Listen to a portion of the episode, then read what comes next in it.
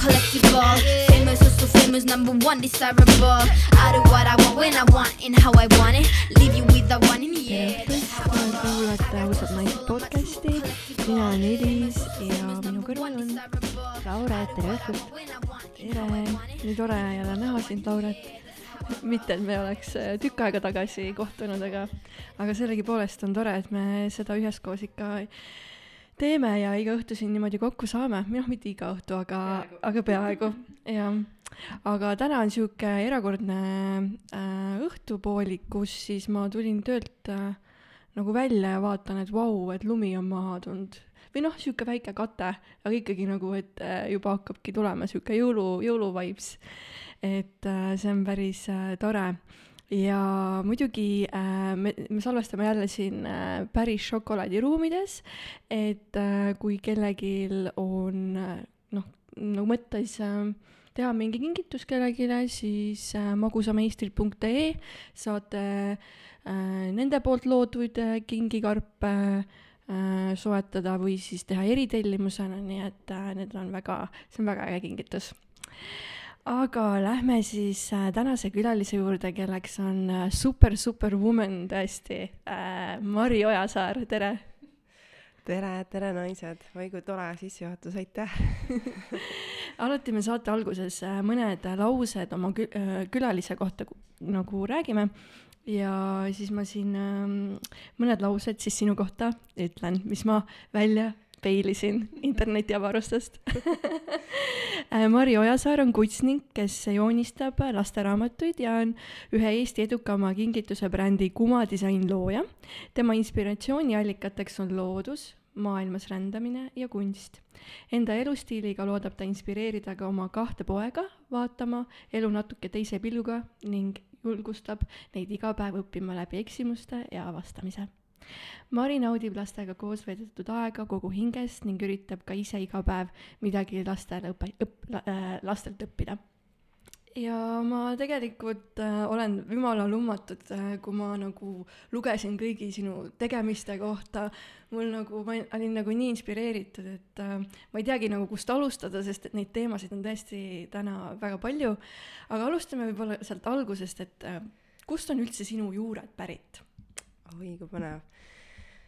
Issand kust no kuhu kuhu taha kuhu kaugele me vaatame onju kui sügavale juurtesse me läheme. Aga hästi ma ütlen kõigepealt tere kõigile teile ka eks ju. Väga armas sissejuhatus oli ja nii kenasti oled välja vaadanud sealt Google'ist selle kõige parema siis. Ma ei teagi kas seal midagi muud ka on ma ise väga enda kohta ei guugeldanud. Aga nii kus mu juured pärit on? Äh, tead, ma olen praegu sattunud äh, siuksesse kohta elama nagu Hiiumaa saarele ja tuleb välja, et mõnes mõttes on minu juured ka Hiiumaalt pärit.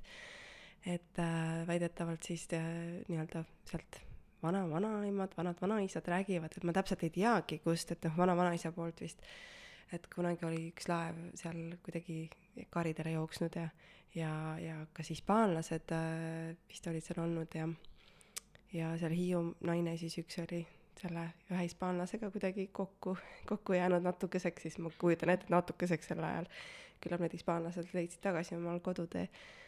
aga miskit sealt on nagu minu jaoks see kaugemad juured, mida minuni on jõudnud ja, ja et see kuidagi Hiiumaaga on seotud ja, ja natuke ka Hispaaniaga, et äh, nii vahva, et ma olen tagasi Hiiumaale jõudnud et, et no, no need oleks need kauged juured ja need mida ma tegelikult ei olegi väga nagu uurima hakanud. Ja ma arvan, et ma ei ole uurima hakanud sellepärast, et see ei ole veel see aeg, et küllap mu, kui ma tunnen, et äh, ma nüüd väga tahan teada, et äh, kus need juured pärit on, et siis, siis ma hakkan sellega vist rohkem tegelema, et ma midagi nagu endale peale niimoodi ei suru. aga jaa, et aga muidu ma olen tegelikult täitsa Tallinna tüdruk, et Tallinnas üles kasvanud, ma olen väga palju veetnud äh, oma aega maal. Äh, kõik suved olen maal äh,, Raplamaal veetnud, et täitsa see loodus on sealt äh, kindlasti mind palju hoidnud ja kasvatanud.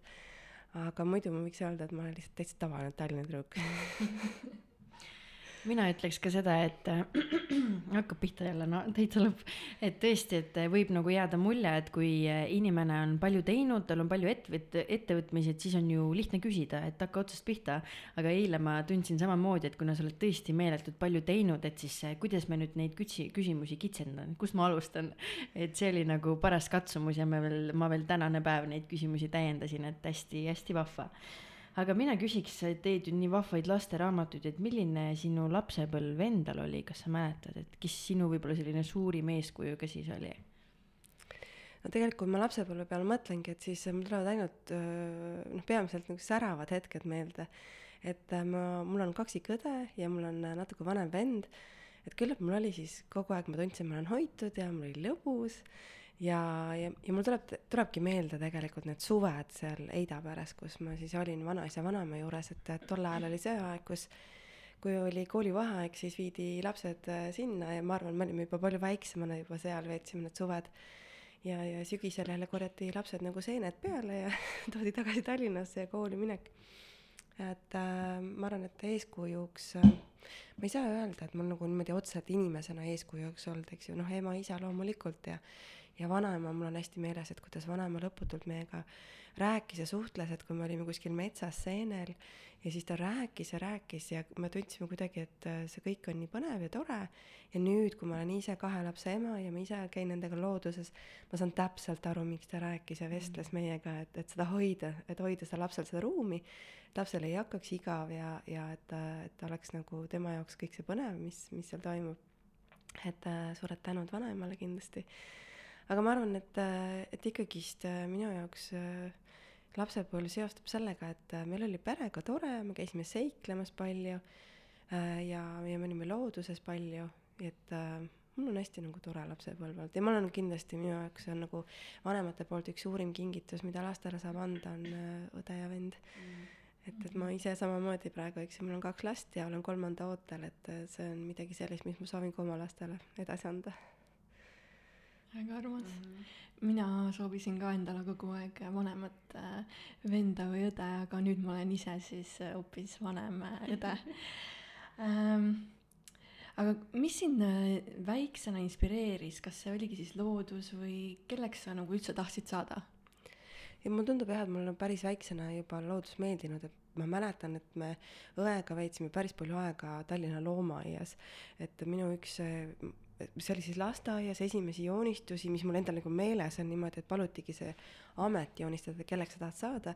ja et ma tahtsin saada siis seal loomaaia seal loomade kasvatajaks või midagi sinnakanti et siis, äh, kui ma olin natuke vanem, siis ma sain teada, et see amet nagu otseselt niimoodi väga edukas ei ole või noh, et see, see selle mõttega sinna ei tasu minna. Ja ma, ma tegelikult mäletan, et ma olin, kui ma olin noor, siis ma ikkagi tundsin kuidagi, et mina tahan edukaks saada, et, et ma nagu ei osanud siis mõelda, et ahah, et ma parem teen midagi hingega, et, et jälgin seda, et mulle tundus see, et ei, ma hakkan kindlasti äri õppima ja, ja, ja ma valin endale kas advokaaditöö või mingisuguse eduka töö et alles kahekümnendatel äh, mul käis mingi nõnks läbi ja ma hakkasin mõtlema, et oot, aga mis ma päriselt teha tahan, et mm. et see mingi muster, mis on minusse nagu kuskile nagu süstitud, et kas ma siis tegelikult äh, tahan ainult edu taga ajada. ehk siis sa võid öelda, et sellised kunst ja looming olid, ütleme nii kaugele, kui sa mäletad juba väiksena sinu suured sõbrad või ise huvi tuli hiljem? no tegelikult kunst äh, küll jaa, et minu ema ja minu vanaema on kunstiga tegelenud mm. Ma mäletan hästi, kuidas äh, õhtuti ema tegi nahakunsti, ta tegi nagu nahast ehteid mm, -hmm. et sel ajal üheksakümne, kaheksakümnendad, üheksakümnendad, see oli sihuke popp asi, isegi nahast mingeid maale tehti. et äh, ma nagu nägin jaa, et see, et, et ema midagi teeb ja kogu aeg meisterdab midagi, et see oli minu jaoks väga tavaline asi. ja kui me ise värvisime näiteks värviraamatuid, siis ka ema juhendas natuke, et kuidas hajutada ja toonitada, et eks ma sain sealt mingisugused juba mõtted ja ja et kunst on mulle tegelikult kogu aeg me väga meeldinud. aga ma ei ole jah, kunstikoolis käinud niimoodi, et sinnamaani ma ei olegi jõudnud. ja mingi hetk ma isegi nagu tundsin, et noh, kuidas ma saan ennast kunstnikuks kutsuda, kui ma ei ole kunstikoolis käinud mm. -hmm. see on jälle meile nagu süstitud mingisugune muster, et, et kuule, kui sul paberit ei ole, siis, siis nii ei saa. aga mingi hetk ma ütlesin, muidugi saab, et ma lihtsalt olen ise hästi palju õppinud ja kui ma ise tunnen, et ma tahan olla kunstnik ja ma olen kunstnik, siis ma olen kunstnik mm. -hmm. on see kuskil paberil kirjas või mitte lihtsalt loomulik anne. ei saagi seda kuidagi paberile nagu panna onju. jah, ega see paber selles mõttes ei defineeri sinu väärtust ka, et kui sa tead, et sa oskad joonistada, sa armastad seda, siis äh, mingisugune paber ei tee seda suuremaks või väiksemaks, et see on jah, huvitav muster.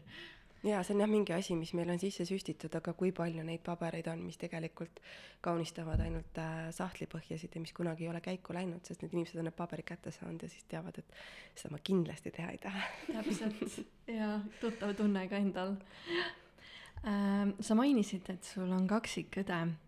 mis tunne on üldse, et sul on kaksikõde, kui nagu põhimõtteliselt teine sina vaatab sulle vastu, et äh, mis omaduste äh,, mis, mis omadusi sa- teil õega on äh, täitsa niisugused erinevad ja millised on sarnased, mis sa oled ise täheldanud? no see on hästi-hästi armas kingitus elu poolt äh, saada kaksik enda kõrvale. et tegelikult äh, on see ka selline noh, väga huvitav asi, et äh, sul on põhimõtteliselt peegel kogu aeg su kõrval, et meie oleme identsed kaksikud ja me oleme paljuski hästi sarnased, et äh, isegi siukest teenager'i või ta teismeeas siis, räägime eesti keeles, eks, teismeeas, mingi hetk hakkas ikka protsess, protsess ähm,, protest selle vastu, et noh, et kogu aeg, kui meil on nii ühtemoodi, eks ju, et et äh, kui me olime lapsed, siis meid ka riietati ühtemoodi. Ja, ja siis äh, mingis eas me tundsime, et me tahame natuke erineda. et näiteks me, meil oli niisugune kodu, kus meil oli mõlemal oma tuba. Ja hommikuti, kui me läksime kooli, siis äh, ta, panime riidesse ja tihtipeale vaatasime hommikusöögi lauas, et noh, sa võid sama kampsuni selga, mis mina onju, siis tekkis väike isegi riid, et võta sina ära, ei võta sina ära onju. et me oleme tõesti hästi-hästi sarnased.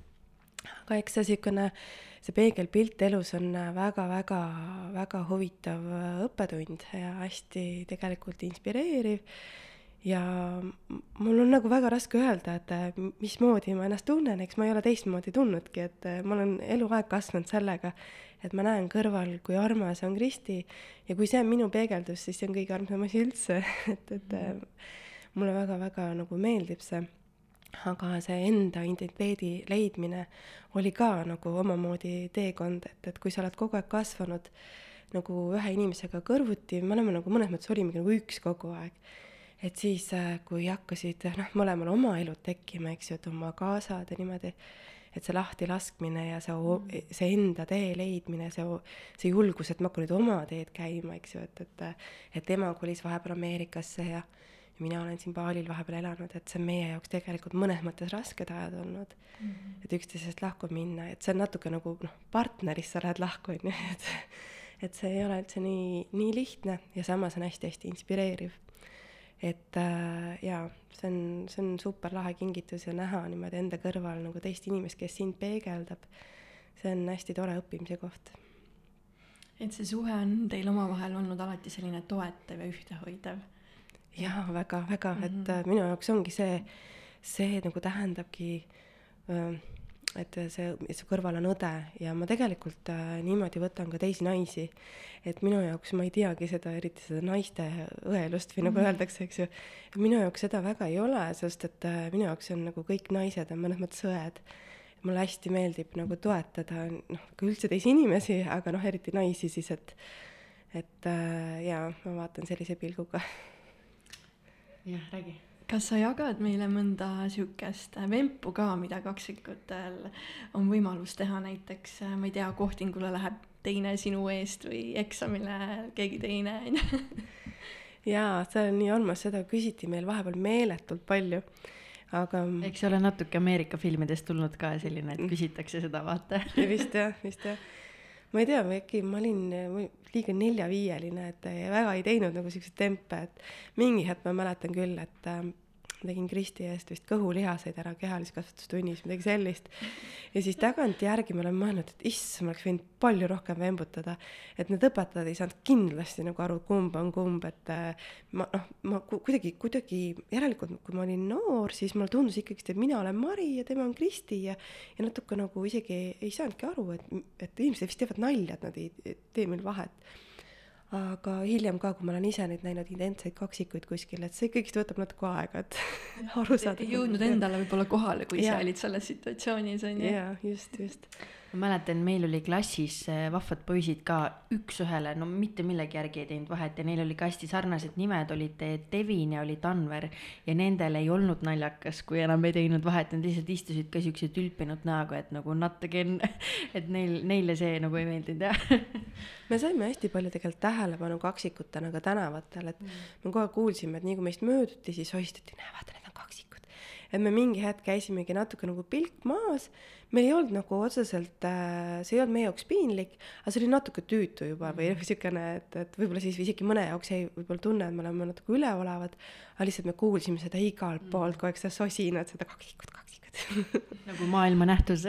Ja, ja aga liigume ettevõtluse kumadisaini ja raamatute suunas, et äh, mis sind üldse ajendas ettevõtluse suunas liikuma, et äh, palgatöö on ju hea lihtne issand, palgatöö on hea lihtne, ma pole kunagi nii mõelnud. Kas see on lihtne? Jah, see võib-olla see palgatöö mõte võib tunduda lihtne, aga et tegelikult reaalsuses on see kõike muud. Mul oli juba tegelikult koolis mõnes mõttes raske käia, et äh, ma, ma ei ole nagu väga sihuke süsteemi inimene. et koolis ka, eks ju, on süsteem, mida sa pead jälgima ja kui sa seal kõik ilusti korralikult ära teed, siis noh, saad vii-, saad viisi, eks ju. Ja mingi hetkeni see mulle sobis ja, ja ühest hetkest ma nagu tahtsin kuidagi omamoodi asju teha. et äh, mulle tundus see, et, et kui ma koolist nagu saaks lahti või noh, see koolist noh, lõpeb ära, et issand jumal, et ma tööle nagu, et noh, täpselt samamoodi uuesti teha.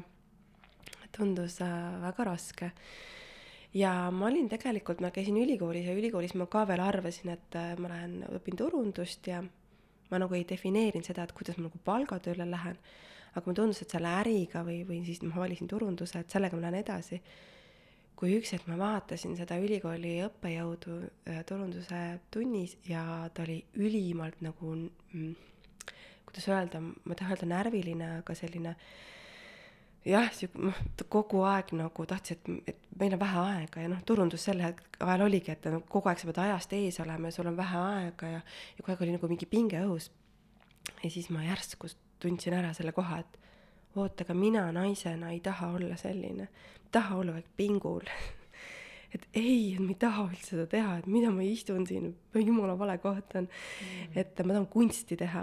Ja põhimõtteliselt päevapealt käis mul see klõks ära ja mul jäigi too korral ülikool pooleli ja ma läksin hoopiski meigikunsti õppima ja hakkasin nagu oma kunsti sihukest rada kõndima.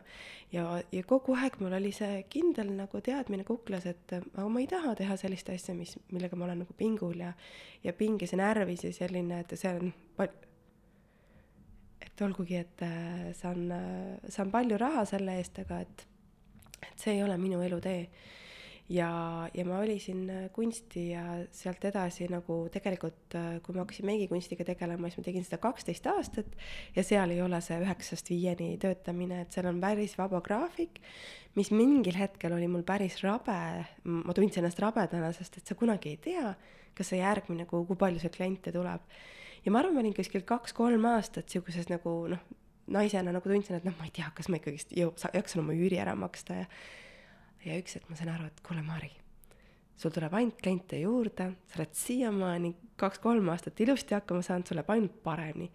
et lase lahti nüüd sellest hirmust ja mul läkski ainult paremini, et, et see niisugune ettevõtlus nagu omal käel, ega see ei pruugigi alguses nii lihtne olla, et, et sa käid nagu omad mingid õppetunnid läbi, aga tegelikult mulle, mul, minule isiklikult väga hästi sobib see. nii äge nagu usaldasid seda teekonda, et äh, ka minul äh, seal keskkoolis oli väga suur meigihuvi ja siis ma nagu vaatasin igal pool internetis ringi ja ma arvan, et sellest võibki olla mingi kümme aastat tagasi, kui ma vaatasingi Mari Ojasaare meigitöid, tõmbasin alla, mingi imetlesin, vaatasin, nii vägev, et meigikunst ei olnudki nagu Eesti maastikul. Ma nagu näinud, mingid lukuefektid ja igasugused ägedad, et et nagu see oli jah, väga inspireeriv. Et äh, aitäh, ma ise tundsin ka kuidagi, et ma teen siin Eestis nagu mingit oma käekirja täitsa et see oli hästi-hästi lahe kogemus ja, ja et ähm, ja mulle meeldis see, et ma tegingi asju nagu omamoodi, et ma ei läinud lihtsalt, noh muidugi ma tegin seda tavameiki ka, aga et ma sain ennast kunstiliselt ka nagu isegi meigimaastikul väljendada mm.. ja, need olid alati nagu over the nagu noh, nagu äh, mitte tavalised, vaata, et sellised hästi loomingulised äh,. aga mis on üldse sinu jaoks kunst, kui sa seda nagu defineeriksid?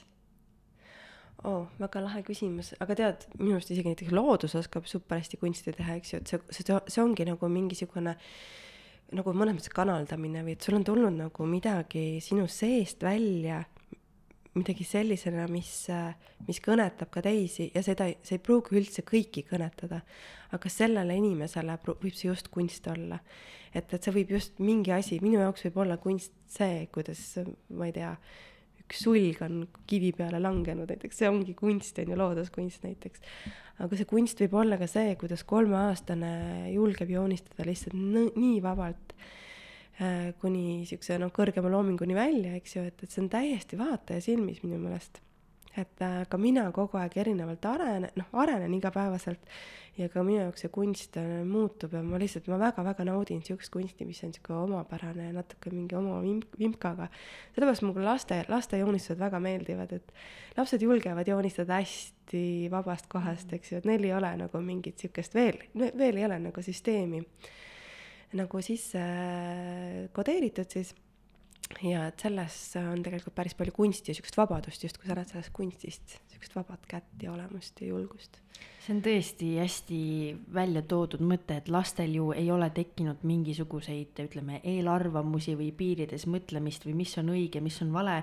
Nad väljendavad ennast nii, nagu nad tahavad väljendada, see on tõesti nagu hästi ilus et, et, et ma tahtsin veel enne mainida, et päris lahe, et siis, kui sul tuli ülikoolis see see krõks käis ära, et siis me oleme sellest varem ka siin saates maininud, aga see ongi see, et su keha või intuitsioon annab sulle mingil hetkel märku, et nüüd on see aeg. ja kui sa siis seda ei kuula, siis see nagu ei pruugigi tagasi tulla, et sa võidki nagu ootama, et äkki tuleb teine, kolmas, neljas, viies kord, et hästi lahe, et sa võtsid sellest kinni. okei okay,, õige tunne, ma nüüd teen ära, et äh, sellest võiks inspiratsiooni võtta ja, ja kusjuures mul oli päris palju niimoodi, et kui ma tegin meike, siis naisterahvad tulid minu juurde, tegin meiki ja samal ajal rääkisid ikkagist, et kuidas nad on saanud endale ülikoolis kas advokaadi või mis iganes kõrged diplomid, nad lihtsalt ei taha seda mm. teha, et, et mida edasi, et kust ma võtsin selle julguse nagu hakata meigikunstiga tegema, et see on nii naiselik ja, ja nii pehme ja nii ilus amet, et nad tahaks ka midagi sellist, et nad on nii väsinud sellest, mida nad teevad ma arvan jah, et selle taga ongi mõnes mõttes julgus ja usaldamine, et, et sa lihtsalt äh,, aga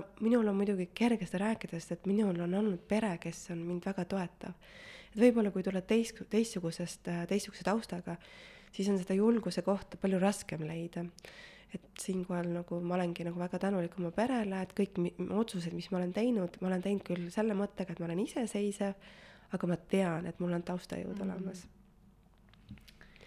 jah, mul muidugi läks nüüd mõttelünk katki. Aga ma küsin siis järgmise küsimuse, et mis üldse on äh, ettevõtluse juures kõige raskem, et noh, paljud naised ilmselt ei olegi seda, ütleme, sammu teinud, sest et see alustamine tundubki olevat kõige raskem. et võib-olla siis jaga mõnda sellist hetke. Ma olen nõus, ma arvan, et äh, ongi alustamine kõige raskem, et äh, ma käisin ka päris pikalt oma ideedega ringi aga et see, et sa sealt ideedest võtad välja, siis nopid selle üks-kaks kõige tähtsamat ja lihtsalt alustad, et minu jaoks tundus see nagu nii raske. et olgu siis näiteks Kuma disaini puhul, et ma tahtsin teha see liblik, liblikprossi ja siis ma lihtsalt ei teadnud tehniliselt, kuidas seda teha. ja ma otsustasin, et ma hakkan lihtsalt kuidagi tegema. olgu siis, et ma lõikan sellest nahast lihtsalt liblika silueti välja ja step by step niimoodi lähen edasi et see just see, see, sa julged selle esimese sammu astuda ja kindlasti peale seda esimest sammu tuleb see järgmine sammu nagu valgus, vaata nagu öeldakse, on ju, et et, et kui sa kõnnid pimedas, siis äh, näitad valgust nagu, et äh, jalgade juurde ja kogu aeg näed järgmist sammu juba, eks ju. et äh, ja niimoodi ma olen tulnud nii Kuma disaini puhul, et kui ma just lihtsalt astun ühe sammu, sellele järgneb järgmine samm ja siit kogu aeg hakkavad e-, asjad edasi rulluma, et et kui ma tegin seda ehet ka, eks mingi hetk ma nägin, et ah, et see on selline, nagu ma tahaks, et sa, et see oleks. aga ma sain aru, et okei okay,, nüüd ma pean mõtlema välja pakendi. ma pean mõtlema välja, kuidas ma seda tootekirjeldust teen, mis selle hind üldse on.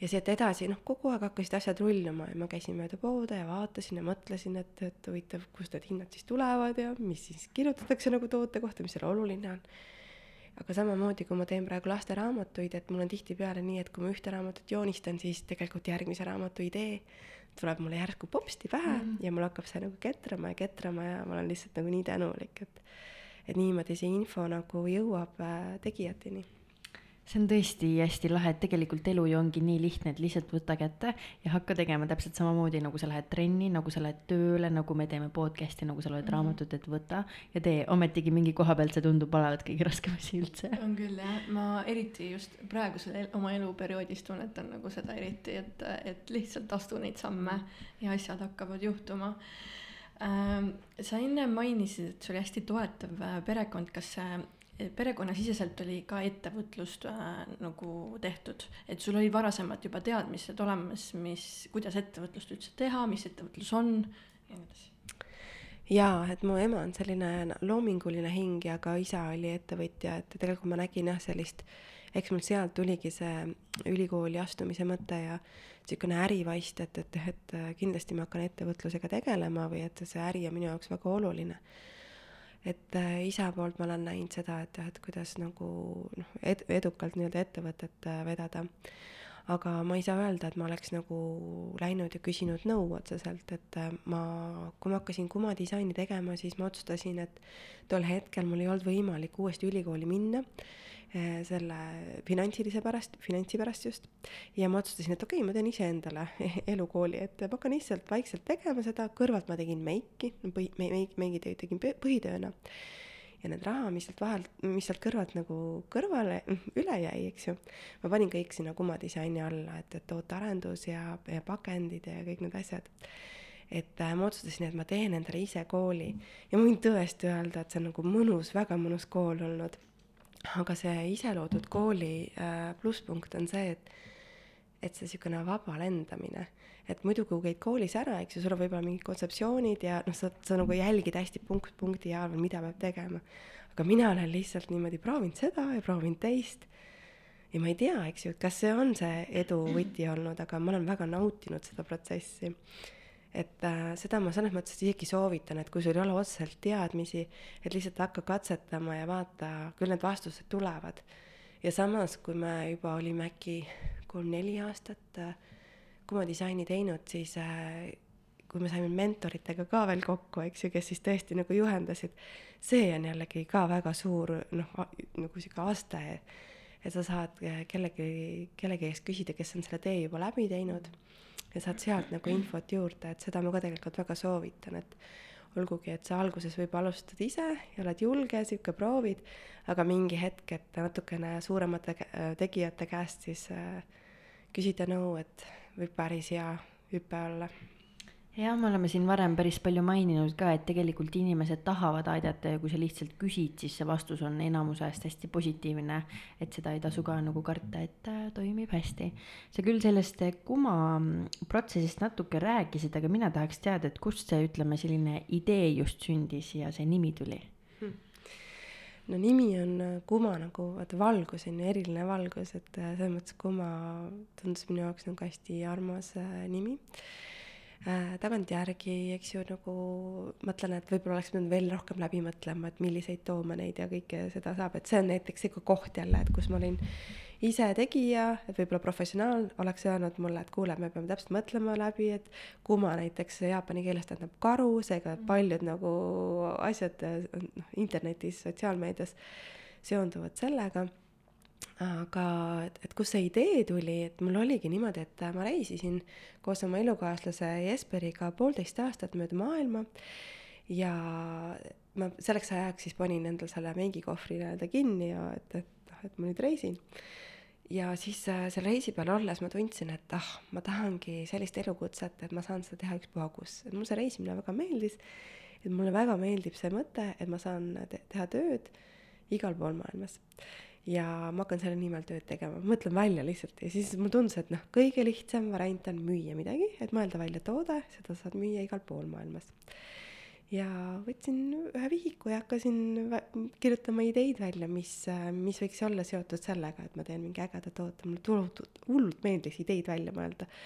kakskümmend, kolmkümmend ideed tulid rahulikult sinna vihikusse niimoodi ja siis ma käisin selle vihikuga ringi ja arvasin, et nüüd ma hakkangi äh, nii-öelda äri tegema, kuni ma ükskord sain aru, et ma olen juba pool aastat selle vihikuga ringi käinud ja kui ma sealt nagu päriselt midagi ei tee, siis see vihik läheb ainult paksemaks, aga mina ainult vaesemaks, eks. Et see nagu päris äri tegemine ei ole. ja otsustasin, et äh, valin sealt välja kaks asja, selle liblika prossi ja tol hetkel ma tahtsin teha raamatu ridiküüli ja, ja otsustasingi, et selle raamatu ridiküül, kuna see nii kallis tuli, noh, nahast, et siis äh, ma panen kingituseks selle liblika prossi sinna sisse, kes on nagu nõus ikkagist finantseerima sellise käekoti eest, et saab väikse kingitusega. ja pärast tuli välja, et äh, tegelikult selle liblika prossi vastu oli palju rohkem huvi mm. inimestel mm. -hmm. et see oli ka niisugune tore niisugune vimka elult on ju, et, et äh, mõtled, et tegid suure äri, et hakkasid kotti tegema, et ma tegin tohutult tegelikult selle peale ka läks mul aega ma käisin äh, Tartus äh, kunstikoolis kursusel, õppisin, kuidas nahakunstis noh, äh, teha kotte ja ja, ja siis ja noh, finantseerisin ka sinna ikkagist väga palju, et niimoodi nahast toodet, suuremat toodet teha on väga kallis. aga näed, hoopis need liblikad mm -hmm. tõid mulle palju edu. et, et see oli, see oli sihuke tore, tore lend ehk siis see protsess oli pigem selline, ütleme, sujuv, läks hästi, ei olnud sul selliseid, ütleme, kaelamurdvaid hetki, kus sa tundsid, et see ei ole mulle ja ma ei taha rohkem midagi teha tõesti jaa, elu on hoidnud mind nagu väga hästi, et, et mingi hetk ma üks hetk tundsin, et äkki ma ei jaksa seda teha enam. see oli umbes siis, kui äh, need liblikad tegelikult äh, võtsid väga kenasti lennu üles äh, erinevad poed tundsid nende vastu huvi ja, ja, ja ma muudkui kodu, kodus seal põranda peal muudkui tegin ja tegin neid.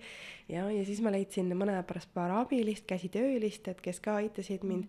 Mul on hästi hea tunne see, et kuna minu isapoolne ema, minu vanaema on ka käsitööline, tegelikult mõlemad vanemad ühte olid nagu käsitöölised, siis äh, mul on hästi hea tunne, et ma saan siiamaani toetada käsitööd mm. et see on nagu minu jaoks väga au sees ja ma tegin neid äh, kogu aeg neid liblikaid ise tol hetkel käsitsi, kuigi ma juba siis teadsin, et hoolimata sellest, et mulle väga meeldib käsitsi midagi teha, ma ei ole käsitööline, mulle meeldib nagu asju ellu viia. Et ma leian kindlasti inimesed, kes hakkavad äh, neid tegema, siis üks hetk, äh, kui mul oli juba siis väike lapsuke ka äh,, Aaron, et ma tundsin, et ma ei jõua enam, et ma muudkui teen ja teen ja ma olen nagu selles mõttes hästi loominguline inimene, et ega ma väga palju neid arveid ei kirjutanudki, et siis hakkas tulema need poodidelt, et kuule, kas sa meile arveid ka kirjutad, et meil on raamatupidamine jumala sassis juba, et, et äkki kirjutad arveid ka vahepeal. ja ma hakkasin neid arveid kirjutama ja siis ma noh, ühesõnaga see oli kõik hoopis teise ajupoolkeraga mõtlemine, eks ju. ma tundsin, et äkki see asi läheb mul natuke üle käte. ja siis ma mõtlesin, et nüüd on see koht, kas ma löön käega või ma olen nõus sellega, et ma annan äh, ikkagi suure osa oma rahast äh, ära, aga ma palkan endale inimesed mm., kes aitavad ja seda selle nimel, et viia äri edasi, et minu jaoks ei olnud tol hetkel nii oluline see, et kui palju ma teenin, vaid just see, et sellel äril oleks nagu võimalus, et äh, ma andsin selle võimaluse ja siis läks palju paremaks, et see koht ja, et küsid abi ja lased teha inimestel, kes tõesti oskavad ja naudivad oma asja, et siis sain mina edasi nagu loominguga tegeleda. jah, mina olen ka nagu igalt poolt kuulnud tõesti, et ettevõtlus, ainuke asi, mis seda edasi viib, on tõesti siis, kui sa lased inimestel, kes oskavad mingeid teatud asju teha, et lased neid ise teha, et mitte, et sa ei tõmba ennast puruks niimoodi, et sa õpid raamatupidamist, kodulehte, turundust, sotsiaalmeediat, et siis, et ei pea olema nagu kümne mehe tööd tegema üksinda mm. -hmm, delegeerima peab ka oskama ja. nagu aga nii lahe, et sa rääkisid just sellest on the flow'st äh, seisundist, et sa olid lihtsalt nagu tegid, tegid, tegid kogu aeg, et see oli nagu äh, väga äge. et äh, kui kaua sul üldse läks siis aega ja eeltööd, et lõpuks siis äh, kuma läks nii-öelda liikvele ja massidesse? Vau, ma ei ole nagu sihukest äh, niimoodi kroonikat pidanud, et äh, millal täpselt midagi juhtus, aga tegelikult äh, väga, väga mõnus flow oli, et väga kiiresti läks see edasi et äh, mis oli see, et äh, alguses olid need liblikad ja nad läksid väga kenasti nagu erinevatesse disainipoodidesse. mulle tundus, et sel hetkel olidki, et disainipoed olid hästi avatud, igasugused erinevad tooted võeti vastu. kuna see toode oli, me räägime siis liblikas, liblikaprossist mm, -hmm. oli hästi nagu eristuv äh, eri nendest ehetest, mis seal muidu pakuti ja ma loodan, et siiamaani on, et siis ta jäi väga silma ja võib-olla siis äh, see ka nagu tekitas huvi, et juba siis, kui ma seda äh,, seda ehet lõin, siis ma soovisin, et see oleks nagu hästi armas äh, viis kingitust teha. ja mõnes mõttes see mõte tekkis mul reisil olles, kui ma ise reisisin Aasias poolteist aastat, siis ma tundsin, et aeg-ajalt tahaks kuskil kohvikusse ettekandjale või, või, või hotellis tahaks siis mingit tänukirja jätta. mõtlesin, et nii armas oleks mingi sihuke kaart või sihuke mingi väike ehe või meene. ja kui ma Kumo disainile esimese siukse pakendi tegin, siis ma panin ka ta kaardi peale, et sise, sisemine osa jäi tühjaks, et sa saad sinna väikse kirjakese jätta, võib-olla tänutähe või midagi sellist. et ma tundsin, et niisugune ehe võiks olla, et ma saaksin seda aeg-ajalt kuskile kellelegi jätta, poetada ja kui ma siis, kui ma disaini hakkasin looma, et siis mõtlesin ka, et ma teen sellise pakendi. ja küllap see sihuke, et sa saad kingit-, kingituse teha, see ei ole nagu väga kallis, aga samas armas. et liblikas on sihuke kena sümbol, et see hästi palju nagu on sihuke positiivne sümbol inimeste jaoks. et siis äh, sain nagu, ma arvan, et isegi poole aastaga nagu hakkas see lend äh, päris kiiresti mul pihta ma päris kaua tegelesin sellega, et ma nagu olen keskkonnasõbralik, ma ei tahtnud äh, luua mingit toodet, mis laguneb. et ma kogu aeg äh, püüdsin seda kvaliteeti paremaks äh, saada, et sellega päris kaua niimoodi, et mingi hetk oli mul väga suur nõudlus juba liblikate vastu just jõulude ajal. Ja ma lihtsalt ei saanud nii palju teha, nagu sooviti, sellepärast et ma ei olnud nõus mingit rämpsu lihtsalt tegema. Mm ja, ja noh, loomulikult mul ei olnud siis neid äh, käsitöölisi ka nii palju. Ja see oli jah, selline hetk, kus tuli turule tulid äh, kopeerijad, et äh, noh, nähtigi, et, et noh, nõudlus on suurem, kui on võimalik ette anda. Ja, ja siis äh, tulid igast need viieeurosed äh, kopeerijad, aga see oli ka hästi tore õppimise koht, et äh, alguses ma olin, tundsin ennast nii solvunud, et see oli täiesti minu välja mõeldud, et kuidas niimoodi, et, et, et müüakse selliseid asju ja isegi läksin äh, advokaadi juurde ja, ja võtsime mingeid kõnesid nendele kopeerijatele. ja siis ma sain ka aru, et issand, see kõik see asi on nagu nii vale, vales energias, et ma teen midagi, mis mulle üldse ei sobi, et ma ei ole niisugune näpuga näitaja. ja leppisin sellega ja otsustasin, äh, minu äripartner tegelikult äh, mingi hetk oligi, et kui mul läks raskeks, siis ma võtsin inimesed tööle ja tegin selle äri pooleks, et ma teen seda äri koos oma vennaga, vanema vennaga, kes siis on äriliselt väga, väga nutikas mm. ja siis me arutasime koos ja mõtlesime, et meil ei olegi midagi teha nende kopeerijatega. Nad kindlasti ei saa nagu nii palju neid liblikaid teha, nagu meil on praegu, nad müüvad neid olematu hinnaga, et sellise hinnaga nagu poes müüa ei saa. aga et me teeme oma brändi, kui sul on bränd nagu tugev, siis äh, tegelikult äh, noh, see, see, kes järgi tehakse, see ongi lihtsalt niisugune niisugune kopeering, ütleme nii. aga kas sellele siis mingit, ütleme, patenti või asja peale panna ei saanud või kas te, kuidas sellega lood on? jaa, me tegisime selle teekonna ka kenasti läbi, et, et tegelikult noh, liblikas on äh, looduses äh, hästi nähtav element, et seda otseselt niimoodi patenteerida ei saa, et ma oleks saanud patenteerida iga oma disaini, sest et meid kopeeriti ikkagist üks-ühele mm.. et see oli nagu, aga, aga siis see iga, iga disaini äh, patenteerimine oleks meil väga kalliks läinud. ja kuna me tahtsime ikkagist kogu aeg ennast uuendada, meil olid kollektsioonid, tol hetkel tulid iga nagu hooaeg uuesti, siis mõtlesime, et see ei ole seda väärt, et me lihtsalt paneme kogu selle raha parem selle brändinduse peale ja ma arvan, see oli väga õige otsus. Mm. Sa mainisid siin tugevat brändi, et äh, siit tekib küsimus, et äh, mis sinu arvates on niisugused suurimad apsud, mida naised, mehed ettevõtluses teevad et oled nagu varem maininud ka, et äh, otsi-, otsitakse nagu liialt tähelepanu teistelt, et kas mu idee on ikka väärt ja soovime välist nagu kinnitust oma tegu nagu enne, kui me tegudele asume.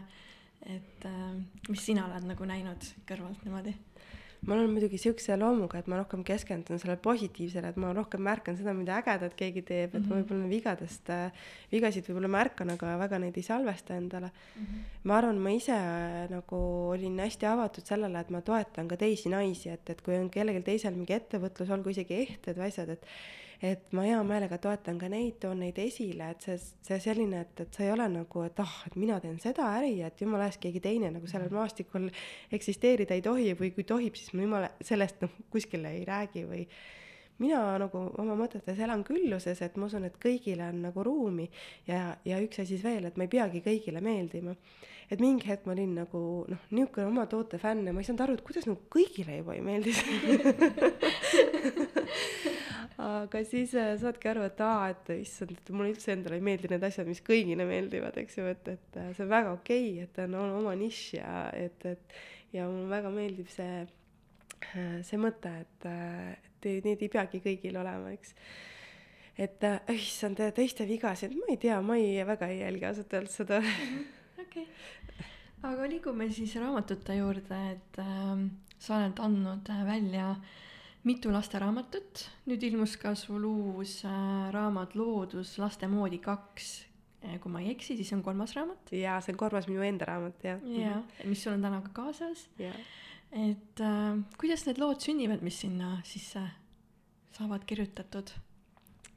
jaa, et see Loodus laste moodi kaks on minu kolmas raamat, ma olen tegelikult siis neli raamatut illustreerinud, aga kolm tükki nendest olen ma siis ka kirjutanud, et ma, minu raamatud valmivad niimoodi, et ma kõigepealt illustreerin raamatut mm. ja siis kirjutan. ehk siis see näitab kohe ära, et, et mulle, mulle nagu väga meeldib just see loominguline pool, kus ma saan joonistada ja see on ka selline asi, et mul on olnud nagu pikalt-pikalt unistus, et ma tahan siis olla kunstnik, eks ja et kuidas seda nüüd väljendada, et ma olin meigikunstnik, aga kuna minu, minu soov oli, et äh, ma ei pea ennast kuidagi kohaga siduma, et ma ei pea füüsiliselt kuskil kohal olema, ma soovisin elada maal, eks ju, siis sel hetkel juba Hiiumaal, et siis äh, mida, mida luua kunstina niimoodi, et ma saan seda teha ükspuha kus ideaalselt oma stuudios ja siis midagi müüa. Ja, ja kuidagi hakkas tulema pähe see mõte, et mulle endale väga meeldivad tegelikult erinevad lasteraamatud ja eks see on seotud sellega, et kui mul endal on väiksed lapsed, eks ma siis need raamatud uuesti avastasin enda jaoks, et ma kindlasti ennem seda neid niimoodi raamatupoodis väga vaatamas ei käinud. aga, ja mõned raamatud jäid nagu rohkem silma esile ja, ja siis äh, hakkas peas see mõte tegema, käima, et mulle hästi meeldiks anda mingit toredat lasteraamatut välja ja mõtlesin jälle, et võtan sellest härjasarvist kinni, et annan ühe raamatu välja, siis mul on nagu elu on korras, mis on tehtud? Pärast seda, miks vohamist tulgu, mul on nagu üks märk on maas. ja, ja hakkasin lihtsalt pusima selle, selle lepatrinolooga, mis mul, mul oli lepatrinoloogu esimene mm raamat, mis ma siis välja andsin eelmine kevad. Või noh, ta isegi tuli välja jaanipäeval, aga ma e-, eelmine kevad nagu seda või talvel tegin seda hästi siis mm usinasti ja mõtlesin, et äh, jällegi lähenen asjale esmalt nagu suht äh, lihtsalt, et äh, ma võin selle raamatu teha lihtsalt oma lastele. et kui, olgu ma siis võib-olla teen siis kümme raamatut, et hea jõulukingitus, eks ju, kinkida ka oma pereinimestele. ja, aga mõtlesin, et tead, ma olen ikka kunstnik, et ma olen natuke julge ka, et ma lihtsalt avaldan neid joonistusi aeg-ajalt seal oma sotsiaalmeedias ja vaatan, millist nagu vastukaja tuleb ja ja see oli hästi soe ja tore, kuigi minu jaoks hästi haavatav koht, et oma kunsti niimoodi jagada, et äh, isegi kui see tuleb, et noh, kellelegi ei meeldi, sellest ei ole midagi. aga see minule endale nii väga meeldis, et kui sa midagi jagad, mis sulle endale meeldib, eks ju, ja et, et siis sa tunned ennast nagu haavatuna. ja ma sain hästi palju positiivset äh, tagasisidet ja tol hetkel juba minu elukaaslane Jesper tegeles tegelikult äh, eeskirjastusega ma ei olnud nagu selles mõttes üldse niimoodi, et nüüd kindlasti, et Jesper annab selle raamatu välja või et Jes kirjastus, et ma olingi valmis selleks, et ma teen nüüd kümme raamatut ja jagan siin oma sõpradele ja perekonna vahel ära. aga siis äh, Jesper nägi ka nagu potentsiaali selles, ütles, et kuule, teeme selle koos ära. no ja siis oli kindel värk, et äh, raamat tuleb ja, ja see raamat oli väga edukas. see esimene raamat, Lepatru lugu äh, sündis läbi selle, et tegelikult see oli üks muinasjutt, mida ma ise oma esimesele lapsele ja teisele lapsele nagu aeg-ajalt õhtujutuna rääkisin. ja siis üks õhtu, kui äh, ma ei jõudnud nii kiiresti sinna tudu, tudujuttu nendega rääkima, aga väiksem laps oli kuidagi rahutu ja vanem laps talle sedasama muinasjuttu nagu rääkis. Ja mul oli samasugune nägu nagu sul on praegu. Ma ütlesin, issand, kui armas, et see sisu ongi nagu meeletult kerge, mis nagu lastega hästi, noh, neil on väga kerge seda haarata, jääb kergelt meelde. Siis mõtlesin, et no vot, noh, see ongi hea, hästi kerge sisu, seda lepatrinut on jumala kerge joonistada. Mm -hmm. ja kindlasti seal ka lastele on see hea nagu sisend, et ongi, sellega on hästi kerge samastuda. ja nii, nii see esimene raamat sündiski, need teised need raamatud, see Looduslaste moodi, see on jällegi minu jaoks nagu selles mõttes hästi eriline, et see on niisugune nagu teistmoodi raamat et äh, siia ma palusin kaasa joonistama kõiki, kes tegelikult soovisid, noh, eelkõige lapsed, aga tegelikult on siin illustratsioone kõikidele, kõikidelt oodatud, et siin on kõige noorem, viimasest ma räägin siis nüüd looduslaste moodi kahest, on olnud kaheksakuune ja kõige vanem oli seitsmekümne nelja aastane et, äh, et seda natuke nagu lastele ka näidata, et kui erinevalt me võime joonistada ja kui äge see on me ei pea üldse kõik äh, nagu ajama seda ühtemoodi joonistust, aga nagu kuskil võib-olla koolis meil õpetatakse, võib-olla tänapäeval on ju õpetata mm. -hmm. aga lihtsalt see mõte, et, et teemegi asju erinevalt ja teemegi omamoodi, et äh, mina ka, kui ma lastega praegu vaatan, siis ma küsin neilt, et kuulge, aga milline loom on kõige omamoodi rohkem joonistatud või milline nagu eristub teistest ja ja et äh, seda nagu julgustada lastel rohkem, et teeme selle maailma natuke värvilisemaks. ja nii lahe tõesti küsida hoopis selliseid küsimusi, et milline on kõige omapärasem versus see, et milline kunst on kõige ilusam, et sa ei saa ju tegelikult sellele vastata või näpuga näidata, et see on nüüd ilus, see nüüd ei ole, et see on puhtalt kellegi isiklik personaalne arvamus. Et, et tõesti väga lahe, et endal läks ka süda soojaks ja väga-väga lahedad missioonid, et ma tahtsingi küsida, et kust sul need sellised Ehm, mis sind jah, nagu inspireerib või kes sind inspireerib neid uusi lugusid kirjutama, et kas sa kõnnid looduses või räägid lastega, et kust sul tuleb see, et okei okay,, sellest tuleb nüüd uus lugu? no vot, kus see, no ma kanaldan, eks ju, ma ei tea, kuskilt need ideed tulevad, et ma nagu lähen täiega särama, kui ma, tuleb mingi idee ja ma saan, tunnen, et ma saan omamoodi teha. et näiteks selle la-, looduslaste moodi raamatute sarja puhul ma tõesti tunnen, et see on mingi oma nišikas, natuke teistmoodi tehtud äh,, lähenetud raamatu tegemisele et, et mulle väga-väga meeldib, kui ma midagi saan teha natuke teistmoodi. Ja, ja näiteks ka see Loodus-laste moodi raamat mõnes mõttes ikkagi sündis ka tänu lastele, et tol hetkel ma tegin siis koos, mul see, mõlemad need raamatud on tehtud koos vanema pojaga, et äh, tema kuidagi mingi hetk, noh, et ma joonistasin ka kumadisaini jaoks, ma tegin lastele postreid ja noh, loomast ikka joonistan ta ütles kuidagi, et ah, mina ei oska nii hästi joonistada nagu sina ja kuidagi see tuli talle esile isegi nägin, et ta viskas paberi ja pliiatsi nurku, sest mul ei tule kunagi nii hästi välja nagu sul või mingi niisugune trots tuli sisse.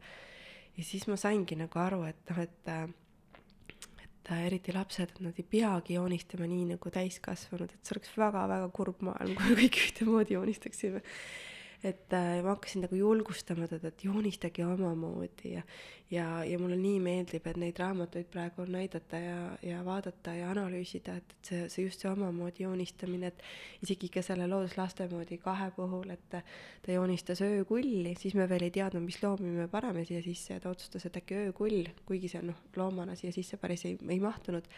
Aga see tema öökull me ikkagist panime siia sellepärast, et ta joonistas ja siis jättis üks hetk pooleli ja ma küsin, mis selle pildiga juhtus, et see on peaaegu valmis juba, et miks sulle ei sobi see.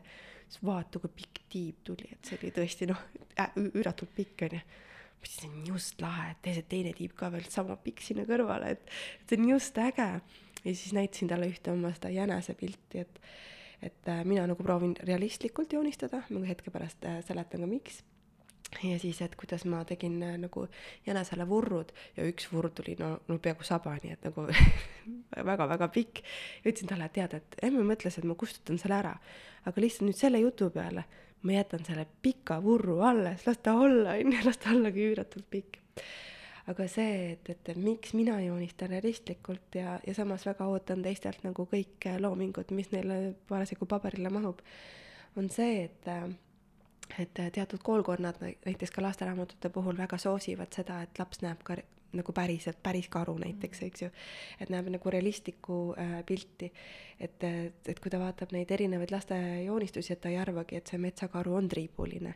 et ta näeb nagu kahte erinevat võimalust mm., et, et äh, mis on nagu päriselt meil looduses kuna need on nagu loodust tutvustavad raamatud ja samas, mis võimalus on nagu ennast lihtsalt väljendada kunstiliselt, et mõnes mõttes on see loodus, loodust, loodust hariv raamat ja samas on see ka kunstiraamat, ma ütleks nii. kas su poeg äh, tuli loomulikul viisil nagu kaasa selle kogu raamatu loomingu protsessiga? Jaa, selles mõttes, see oligi tema soov, ta ütleski, et ma tahan ka raamatut teha, ta nägi, et ma nii fännasin seda ja ja mul on nagu edu ja kõik läheb nagu hästi, ütles, et mina tahan ka raamatu loomisele kaasa lüüa, et mis ma saan teha ja et kuidas ma saan oma raamatut teha. ma ütlesin talle, äkki teeme koos siis, et, et sina joonistad ja mina joonistan ja sealt hakkas, siis mul tuli mõte, et aga ma laseks veel rohkem inimestel joonistada, et laseme nagu paljudel inimestel joonistada. kutsume kõik joonistama, kes tahavad ja samas, et nüüd jällegist natuke see ettevõtlikkuse äh, pisik, mis minu sees ka on, ma mõtlesin, et mulle väga meeldib see mõte, et ma saan oma lapsele pakkuda mingit võimalust äh, ettevõtlust äh, nagu proovida juba väikses eas. et tal on võimalus nagu raha teenida, ma ütlesin talle, et näed, joonistame koos, et noh, loomulikult ma ei kaasa teda kõikide tööasjadega, ta ei istu praegu kuskil mul siin kõrval, eks ju. et, et, et teeme koos tööd selle nimel ja, ja sina saad siit oma osa, et, et ja et me arutasime läbi, et mis tema unistus on, mis ta selle rahaga tahab teha et ma olen jah, väga selle poolt, et, et laps saab juba päris noorena oma raha omada ja otsustada, et mis ta sellega teha tahab, et loomulikult ma ei luba tal Selveris nagu seda igale poole laiali paisata ja me nagu arutame. et ja samas ma lepin aeg-ajalt ka mingisuguste asjadega, millega ma võib-olla väga nõus ei ole, see on tema raha.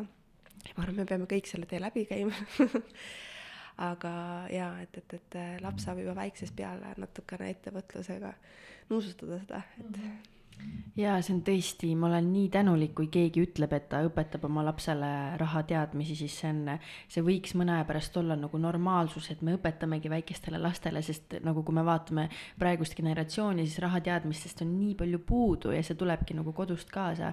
et tõesti ka näiteks Jaak Roosaare, kes ongi kirjutanud lastele mitu raharaamatut, et no nii äge vaata, et kui laps saab kätte võtta, lugeda, et mis see raha siis nagu on, et tõesti vinge vot, aga lähme siis äh, viimase seti juurde, me oleme siin päris kaua juba jutustanud, kas sul oli veel mõni küsimus äh, enne, kui me edasi liigume? ma mõtlesin, et sul on äkki mul on uuest plokist paar küsimust. okei okay,, okei okay., aga kas sul on tekkinud ka vahest mingit loominguplokki, kus üldse nagu ei tule, noh, tahaks küll teha nagu midagi, aga no ei voola, ei kanalda, vaata selles mõttes ma sain hästi hea õppetunni oma selle meigitööga, et äh, ma tegin seda kaksteist aastat ja üks põhjus ka, miks ma nagu selle lõpetasin, oli see, et mu keha ei andnud, äh, andis tunda, et, et aitab Mari, et et ma, kui ma kandsin oma esimest last, siis äh, isegi sellel päeval, kui ma sünnitama läksin, siis ma kirjutasin kahele naisele, et ma täna tegelikult meiki teha ei saa. Nad olid arvestanud sellega, et nii võib juhtuda. et ma tegin nagu tõesti oma kehale nagu liiga, et ma ütlesin liiga palju jaa. et äh, kui ma teist last jäin ootama, et siis ma juba meigi, meigitööst loobusin ja teadsin, et ma pean tegelikult rohkem oma keha kuulama. et ma siis sel hetkel mõnes mõttes põlesin nagu loominguliselt läbi ja, ja nüüd, kui ma olen neid lasteraamatuid joonistanud, siis ma hästi teadlikult äh, nagu naudin protsessi, kui ma tunnen, et oi, nüüd on nagu hambad risti, ma teen seda praegu hambad risti juba, ma pean selle pildi valmis saama, siis äh, ma annan tegelikult endale aega. Ja siis on nii kihvt, kuidas sa annad endale aega. Ja siis saad aru, et oh, ma ärkasin praegu kell kolm öösel ülesse mul ei ole und, mitte midagi, ma tahan lihtsalt joonistada. et kuidagi keha nagu tunneb, et nagu väike laps, vaata, annad talle nagu noh, annad aega, annad talle võimaluse ja siis ta ütleb, et tegelikult ma tahan küll seda teha. Et ma väga ei lasku sellesse, muidugi mul on olnud tähtaegasid, ma lihtsalt pean joonistama ja ma lihtsalt üritan siis seda teha hästi siuksest vabast kohast, et, et kui ma joonistasin Lepatrinu lugu esimest raamatut, siis ma lubasin ka igasuguseid vigasid endale. et oli aeg-ajalt, kus ma joonistasin ja mul väikene tol hetkel kaheaastane poeg pritsis värviga niimoodi, et kogu minu illustratsioon oli värve täis, siis ma mõtlesin, väga äge. Need plekid peavadki siin olema, ma teen järgmise raamat, järgmisele lehele ka veel plekid juurde, eks ju, et et luban nagu olla selles mullis, kus ma olen ja tegelikult ma loon laste kõrvalt, et see on väga okei okay,, et tekivad vead ja errorid sisse, et las siis olla mm,. et ei push'i ennast nagu, et lased nagu vabaks, et Just. see on väga hea oskus ähm,. Lähme elustiili juurde ja üldse siukse muu elu peale, et sa rääkisid ennast ennem ennist. mul ei ole muud elu muud elu ei olegi. okei. Ähm, aga jah, proovime äh, sa rääkisid Hiiumaast ennem ähm, mis plaanid teil seal on, et ma olen kuulnud mingi vabakooli mingit asja, mis see endast kujutab. Ja sama, samuti tegelikult ma mäletan, et suvel ma olin Hiiumaal ja pidin külastama küll teie talu, aga te, te ei olnud vist kohal või midagi oli, ma ei mäleta enam täpselt, et äh, ei olnud õige päev, kuna te olete avatud.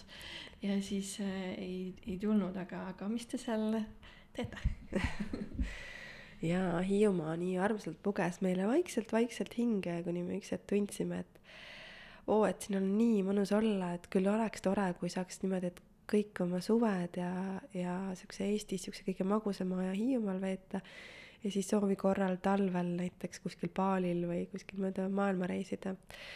ja me saime aru, et okei okay,, et see kõik on ilus unistus, aga et üks üks oluline asi paneb meile nagu kodaratesse, et, et Aaron peab kooli minema mm. ja kool on süsteem ja kui süsteem on, siis sa pead olema kogu aeg kohal ja kõik see asi, me peame hakkama nüüd süsteemi käima. ja siis äh, minu elukaaslane Jesper ei ole eriti süst- ka süsteemi inimene ja siis ta mõtles, et ei, ei siin peab mingi muu lahendus olema, et mõtle, kui äge, kui oleks sihuke kool, et mis väga soosiks ka reisimist, et noh, ma olen ise nagu selle, selle poolt, et laps õpib hästi palju reisides, et me kõik õpime tegelikult. loomulikult sellel peab olema mingisugune nagu piirang, seda ei saa olla noh, võib-olla liiga palju, mul ei ole selle kohta mul kogemust ei ole aga, aga no ja ka Jesper on selline mees, et äh, kui talle mingi idee tekib, siis, äh, siis ta nagu võtab sellest kinni ja hakkab seda ajama, et et ta tegelikult äh, eelmine aasta jõulude ajal kirjutas lihtsalt Facebooki, et kuidas oleks äge teha üks sihuke metsakool Hiiumaale. ja see oli üllatav, kui suur positiivne vastukaja sellele tuli, et see oli nii paljud olid siuksed, et kohe-kohe teeme, nii äge, et ma olen seda oodanud ja la la ja me nägime, et sellel mõttel on nagu iva sees. ja, ja see peab olema siinkohas see julgus, et sa hakkad seda asja ajama. ja Jesperil see on, et mina kindlasti ei oleks hakanud ajama, mind, minu, minu jaoks see selline selline väga palju nagu bürokraatiat või sellist äh,, sihukest maastikku, mida ma tegelikult ise väga hästi ei tunneta, eks ju, ma juba rääkisin natuke, et mis ma nagu koolist üldse ka arvasin, eks ju ja et, et siis äh,, aga noh, me tundsimegi, et me tahaks teha siukest nagu vaba kooli ja me tahaks teha siukest natuke teistmoodi kooli, et et äh, lapsed on nagu hoitud seal looduse keskel ja, ja, ja siis kuna see, see mõte ja see soov oli nii aus äh,, siis tegelikult tuli väga palju abilisi Jesperile. et Jesper ei ole seda kindlasti üksinda teinud, et on see eestvedaja, aga hästi palju inimesi on olnud, kes on tulnud appi talle et elu on nagu seda hästi ilusti hoidnud, et see ongi see, et sa teed võib-olla midagi siukse kõrgema, kõrgema sooviga ja siis elu hästi palju kannab sind. Mm.. et nüüd ongi, me avasime see sügis Hiiumaa Vabakooli ja Aaron sai sinna esimesse klassi minna ja Toor käib seal lasteaias ja see on niisugune Waldorf suunitlusega kool, et see on nagu hästi lapsesõbralik kool ja, ja just täna ma rääkisin Jesperiga, siis ütles, et viis lapsed matkama, et üks osa on sellest, et nad päeval matkavad seal ja õpivad nagu looduses ja ma olen lihtsalt nii rahul, et, et. Vau, tõesti, kas see on siis mitmenda klassini? Äh, hetkel on äh, neljas klass ja meil mm. ongi nagu liitklass, et tegelikult praegu seal koolis käib viis last, et mm. esimene kuni neljas klass nad õpivad koos ja see on mõnes mõttes nagu erakool mm., et noh, see on lihtsalt nii mega et ma olen äh, noh, see sihuke kooli mõte minu arust tekitas ennem nagu väikest stressi või et noh, et kuhu ja ja see ko-, lapse kooli vedamine ja järelkäimine ja kõik see, kõik see noh, kooli kiusamine, kõik, mis sellega noh, ikka meil on need mm. hirmud ja ja nüüd, kui ma tean, et on nii hoitud kohas ja, ja nii ägedad õpetajad on seal ja kõik need plaanid, mis meil on, et mul lihtsalt nagu, mul on kooliga uus, täiesti uus nagu areng või ma defineerin kooli hoopis teist, uut moodi, et me oleme Jesperiga nagu hästi suured fännid seda jah, eks ta kipub olema, et selline kool ja õppimine mingil määral ka alateadvuses tekib natuke võib-olla siukseid ebamugavaid emotsioone. et kui ka mulle mainida kool, siis natuke judinad jooksevad üle seina, et selle, et nii lahe on, kui seda saab nagu muuta. et nüüd, kui on selline kool, siis laps, kui selle läbi käib, siis ta tuleb sealt täiesti teiste emotsioonidega ära ja see annabki nagu alustala, et veel edasi minna, et mulle meeldib kool, mulle meeldib õppimine, et nagu vau mm. -hmm. see on väga äge väärtus üldse nagu loob seda kogukonda kindlasti ja. seal ja äh, kes need õpetajad muidu on siis ka kohalikud? on nii ja naa, on, on Hiiumaalt ja on sisserändajaid mm. ja praegu me näemegi, et see on niisugune kasvav trend, et erinevad pered äh, tulevad sinna kanti lihtsalt Kõpus, Kõpu poolsaarele äh, mis äh, muidu on olnud selline ülimalt vaikne koht äh, ja tulevad noored pered äh, sinna ja lasteaed on meil täis juba järgmiseks aastaks. et tahavad lihtsalt osa saada sellest ja tahavad oma lastele pakkuda sihukest pingevaba nagu lapsepõlve ja õppimise rõõmu. tegelikult õppimine peaks olema suur-suur rõõm minu meelest mm. -hmm. et ma ise näiteks tunnen praegu, et kui ma õpin ise kunsti omal käel niimoodi, võtan internetist erinevaid loenguid mulle nagu nii meeldib, see on üks parim osa päevast üldse. et sellega ei kaasne minu jaoks stressi.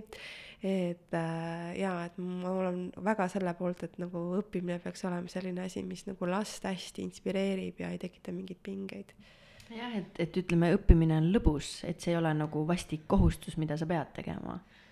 ja just, ja ma näen, et Aaronil see praegu väga hästi toimib. sa oled täna, täna kahe lapse ema, varsti kolme et ähm, mind huvitaks, et mis väärtusi silmas pidades äh, sa enda lapsi kasvatad? jaa, lapsed on nii eriline, eriline kogemus meie elus, et äh, muidugi esimene laps lööb kohe sind nagu mõnes mõttes tasakaalust välja ja ta peabki lööma, sest et on hoopiski uus tasakaal sündinud. et see, seda vana, vana Mari ja seda elustiili üldsegi ei saagi enam äh, olla et sellega võttis natuke aega, et sellega kohaneda, aga ma arvan, et juba sellest hetkest, kui Aaron oli hästi-hästi pisikene, väikene, hakkasin kohe temaga nagu kõige parema sõbraga või nagu elukingitusega suhtlema, et äh, ja ma arvan, et see suhe läks veel erilisemaks siis, kui Jaanon oli poolteist ja me läksime Baalile elama ja seal me päris palju olimegi noh, kolmekesi, eks ju, mina, Jesper ja Aaron. Ja Jesper hakkas tol hetkel kirjutama minu Baali raamatut, tema esimene raamat, ma suur-suur südamesoov, et saaks olla kirjanik, saaks ühe raamatu välja anda. Tema oli esimene noh, meie peres nii-öelda, kes selle raamatu välja, noh oma raamatu välja andis ja mulle tundus ka see nagu nii suur mõte, et issand jumal, kirjutab raamatu, päris hull mees ikka. Aga see oli nii äge, et ta seda tegi.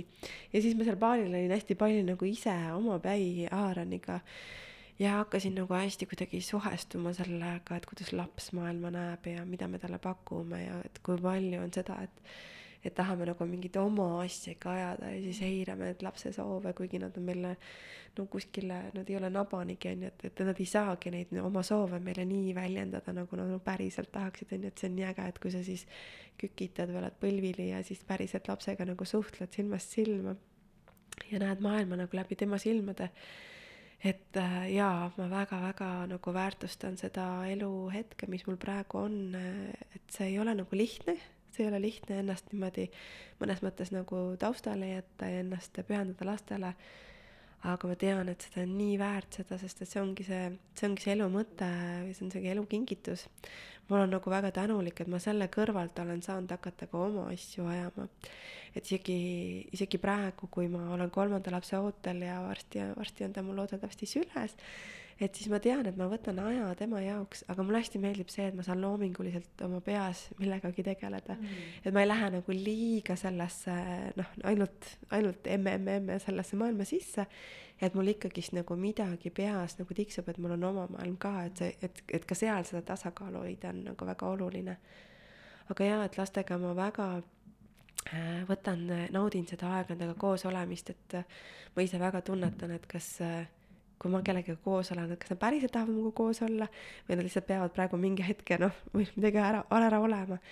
et äh, ta, ta, ma usun, et lapsed tunnetavad ka seda ära, et kas sa päriselt tahad nendega mängida ja noh, koos ägedalt vaatama, arenema või on see, et sa lihtsalt pead neid korraks neid hoidma niimoodi, eks ju. Mhm. et ma üritan seda niisugust ehedust neile nendega koos olles äh, hästi palju luua ja ma olen teadlikult neile öelnud ka, et mulle meeldib loodus uurime käbisid, linnusulgi, selliseid asju, et emme võib-olla nii palju nüüd legodega ei mängi, et see lihtsalt mind nii väga ei huvita.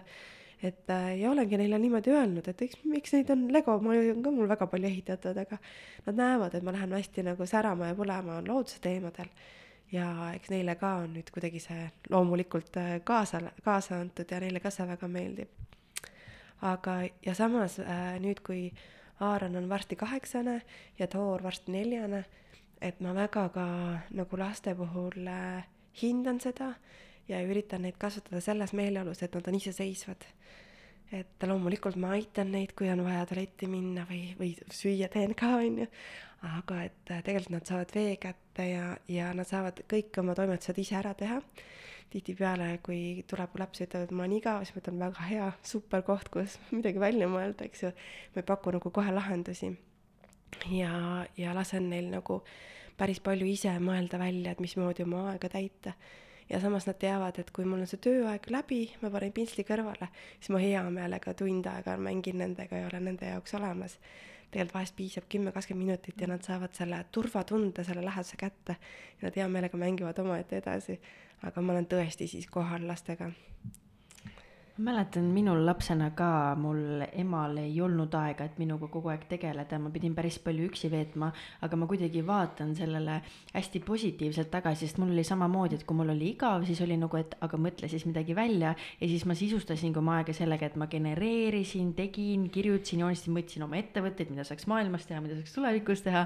et siis hästi lahe, mu ema on ka teinud, ma seda ei teadnud, aga kahekümnendaks sünnipäevaks ta siis kinkis mulle mapi, kus ta oli alates sündimisest siis kogunud kõiki minu asju ja siis kahekümnendaks sünnipäevaks kinkis mulle selle mapi, et näed, et see on sinu elu. ja siis oli ka hästi lahe nagu näha, et mida ma siis tõesti nagu kirjutanud olen, et mingil eluetapil ma olin kindel, et ma saan Eesti presidendiks ja see oli minu nagu siht, et ma saan selleks, et hästi huvitav oli näha, et lapsed tõesti nagu sisustavad selle aja ära, kui sa annad neile nagu seda ruumi et mina tahtsin küsida, et tõesti, sul on imelised lapsed, sul on mees, sa oled veel ise, siis sul on ettevõte, et kuidas sa nagu planeerid ja jaotad oma aega kõikide nende tegemiste jaoks, et kas sul on mingi süsteem või sa jälgid lihtsalt on the flow või kuidas sul see käib? no jaa, vaata öeldakse, et distsipliin annab sulle vabaduse, eks ju. et äh, see on jah, see on no, mõnes mõttes on oluline, et ma ka üritan oma päeva teatud asjad nagu distsipliiniga teha et, et ma saaksin siis selle võrra rohkem ennast äh, tunda mingil hetkel vabana, et, et ähm, võib-olla ma olen ka enda jaoks nagu väga oluliseks pannud see, et kui ma ennast ise hästi tunnen, kui minu kann, äh, kann on või tass on täis, et siis ma, siis olen ma kohas, kus ma saan ka jagada ja anda. et äh, ja ma tahan anda nagu head energiat, on ju, et oma lastele, oma perele ka, et selle jaoks ma pean seda oma aega võtma. et ma olen äh, väga tänulik, et praegu ongi selline aeg olnud, kus mul lapsed käivad siis koolis ja lasteaias ja ma saan päriselt äh, hommikul käia oma pika jalutuskäigu ära, ma teen oma trenni ära, ma olen looduses palju.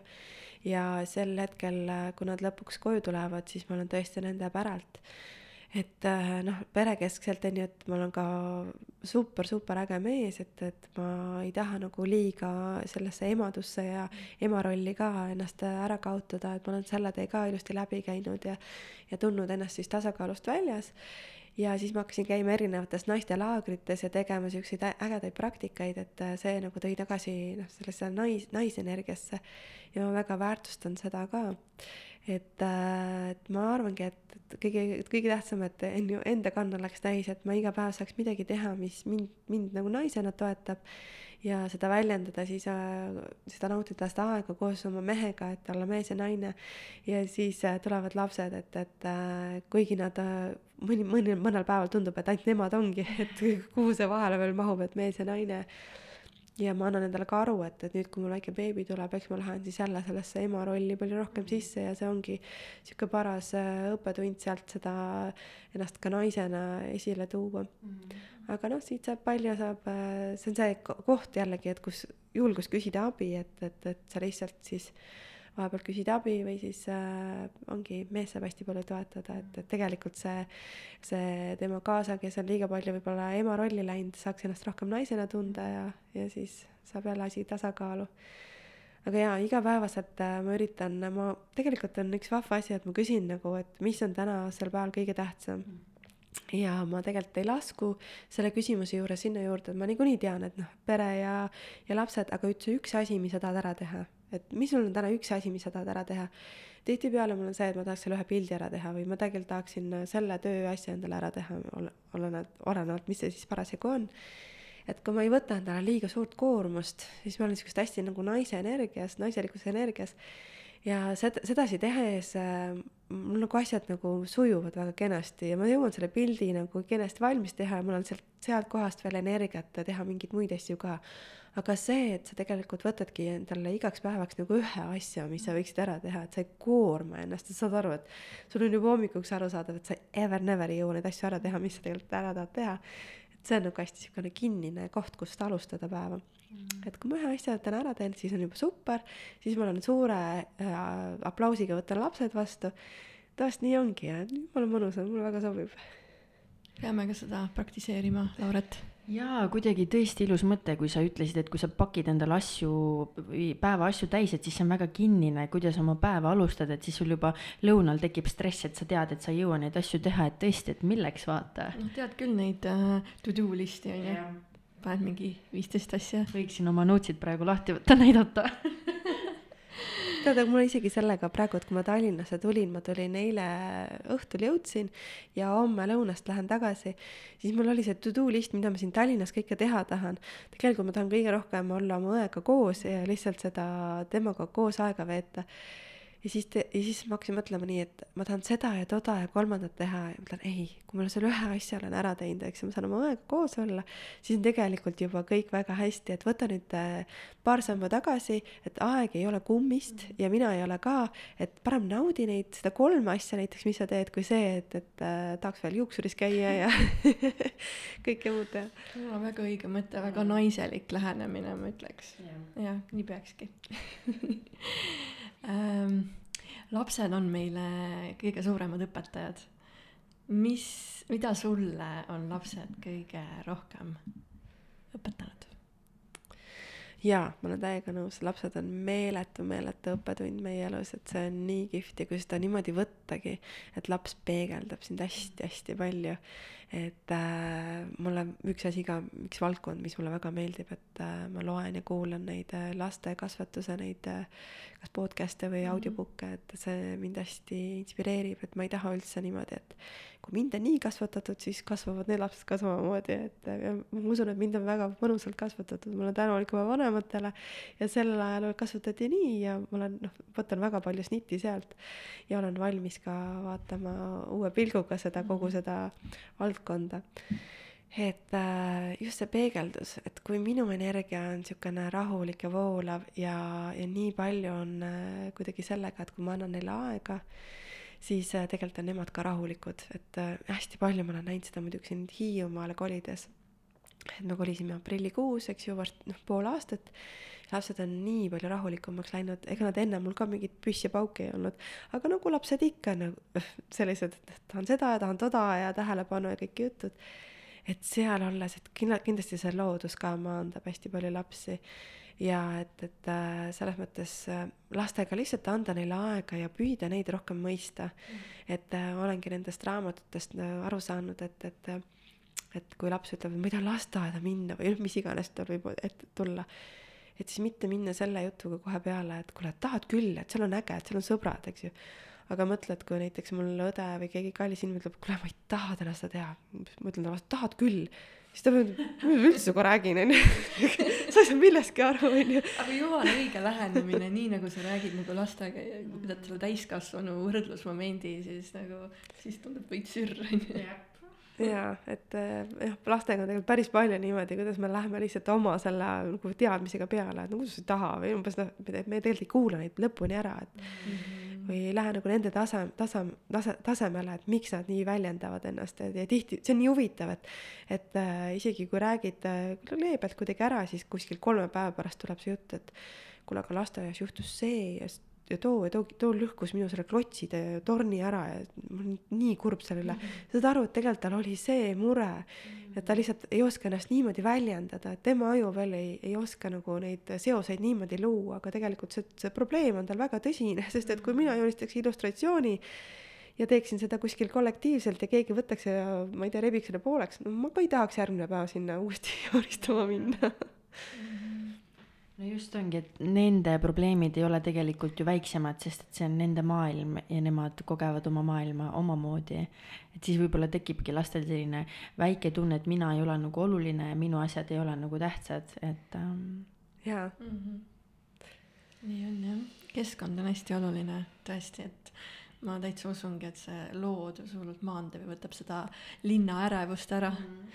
aga üks asi veel, mis mulle laste puhul hästi meeldib, on see, et kui ägedalt nad on nagu elavad hetkes. et ja kui, kui hästi nad lasevad nagu oma mingitest äh, probleemidest nagu lahti. et äh, näiteks kui kaks venda, nagu nad on, Alex ja Aaron ja Toor, omavahel riidlevad ja oi, kuidas riidlevad, nagu sihuke sõda käib korraks läbi. ja ma lasen sellel juhtuda, vaatan ise, kuidas nad seda lahendavad, eks ju, kui vaja on, siis natukene annan nõu aga järgmine hetk on parimad sõbrad uuesti, et neil ei ole seda nagu siukest noh, korraks kallistame või kui seda üldse vaja on, üldjuhul ei ole vaja. järgmine hetk nad on jälle kõige paremad sõbrad, vaatad, vau, ta lihtsalt lasi lahti selle, kuigi see just oli nagu elutähtis, see üks legoklotsi pea, et kummale see jääb, eks ju. ja järgmine hetk on neil nagu mäng täies käigus jälle. siis ma lihtsalt vaatan seda hmm,, see on tegelikult jumala hea eluterve mõtlemine. see toimub nagu nii kiiresti onju. täiskasvanutel vaadata ja õppida nagu. täiega wow, jaa. peaks ka harrastama seda vaata. et miks me kanname seda mingit siukest halba energiat endaga kaasas ja mossitame või hoiame mingist asjast kinni, et kui see Mhm. inimene on kallis, no ma ei tea, no prooviks lahti lasta võimalikult kiiresti ja lähme edasi, et me kõik teeme ups and downs'e nagu et vigu vahepeal. sa oled äh, palju ringi rännanud oma elus. kas nüüd, kui te nüüd Hi- Hiiumaal olete, kas siis äh, plaanite seal nii-öelda pesa punuma jääda või tuleb varsti mingi välismaa reisike pikem? Uh, tead, mina elan koos nelja, hetkel siis veel nelja veevalajaga, et mul on nii huvitav, et mul on Aarnil on teine veebruar, Jesper on kolmas veebruar, meil on nagu isegi koer on seitsmes veebruar ja Thor on kaheksas veebruar, mul on nagu ümbritsetud veevalajatega Wow. ja ja sa ise oled ma olen ise kaljukits jaanuaris sündinud. et eh, kes teavad natuke astroloogiat, siis veevalaja on sihuke voolav vesi, eks ju, tal on vaja voolata, liikuda. Et ma olen äh, tegelikult äh, elukaaslasega, kes tahab kogu aeg edasi kuskile liikuda, aga me oleme nagu tõesti hingelt äh, sinna Hiiumaale nii kiindunud, et ja me olemegi, meie kodu ongi seal, me elame seal. Ja me tunneme ennast hiidlastena, me oleme sisse kirjutatud seal, et täitsa saare inimesed juba ja, ja plaanime selles mõttes kindlasti sinna jääda, et äh, me oleme sinna loonud kooli ja kogukonna, et see kõik väga toetab. aga et see, et kas me saaks äh, reisida ja nüüd maailma näha, me väga-väga loodame, et see nii on, et äh, mis võimalused maailm pakub praegu, praegu nagu on soos-, soosib rohkem seda, et istu kodus või istu pigem isegi looduses, see on veel parem variant, eks ju, me oleme selle valinud et äh, jaa, aga see just see, et, et ma ei tee mingeid plaane, sest ma tean, et mul on mees, kes juba suured plaanid ette ära teinud, et tal kogu aeg tekivad mingid uued mõtted, et hetkel oleme Hiiumaal täitsa ja naudime väga. päris huvitav ikka jah tõesti, et veevalajate armee keskel oled siis sina kaljukitsena, et juhid, juhid sellist vinget armeed, väga lahe. ja mis te arvate, mis ta, tähtkujus kolmas laps tuleb? oota, juuli. oota, ma ei tea, oota, ongi veepa-, veepalaeva. ikka veevalaev. aa, ja, ja, ja õigus, täitsa lõpp, no palju siis kokku on neid?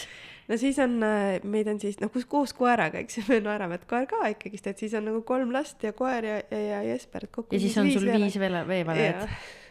täitsa, saad lõpuks, ma arvan, mingi veevalaja raamatu välja anda Mä- Manuali täpselt käsiraamatu.